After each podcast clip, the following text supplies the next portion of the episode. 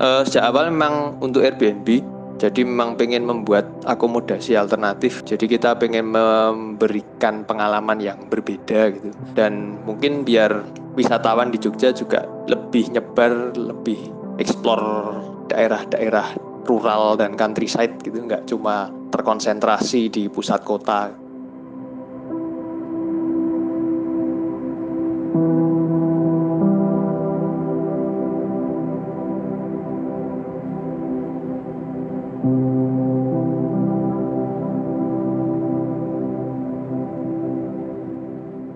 Kita banyak adopsi minimalisme Jepang atau Zen minimalism karena dua alasan. Satu, karena lahan kita terbatas, sehingga kita mencari referensi respon arsitektur atas lahan terbatas.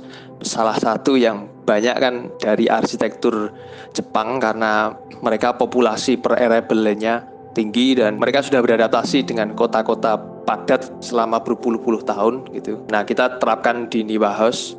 Jadi misalnya kita di bawah bed kita kita gunakan juga untuk storage terus meja kerja di kamar itu juga berfungsi sebagai cermin rias dan juga uh, lemari untuk handuk misalnya uh, alasan kedua kenapa kita adopsi minimalisme Jepang karena kami merasa hidup kita sekarang di era postmodernisme ini semacam kadang jenuh dengan polusi visual entah dari sosial media, smartphone sampai baliho di kota-kota besar gitu.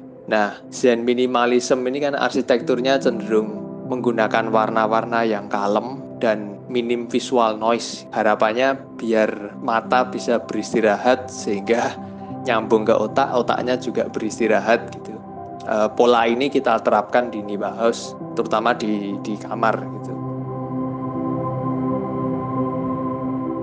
Nah dari dari referensi-referensi itu beberapa terus kita adaptasikan dengan konteks lokal gitu misalnya bentuk atapnya terus lantainya kita menggunakan tegel kunci dan ada sabuan lantai aci itu kayak rumah-rumah di desa di Jawa gitu.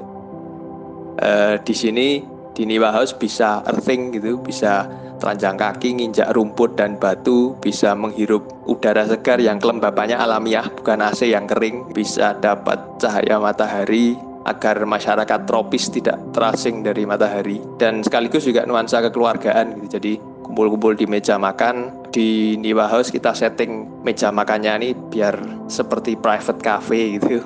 Ada juga dapur bisa masak berasa kayak di rumah sendiri. Gitu. Mungkin apa ya semacam pengalaman rehat dari keruwetan dan kemacetan urban gitu dari kehidupan postmodern yang serba tergesa-gesa gitu. thank you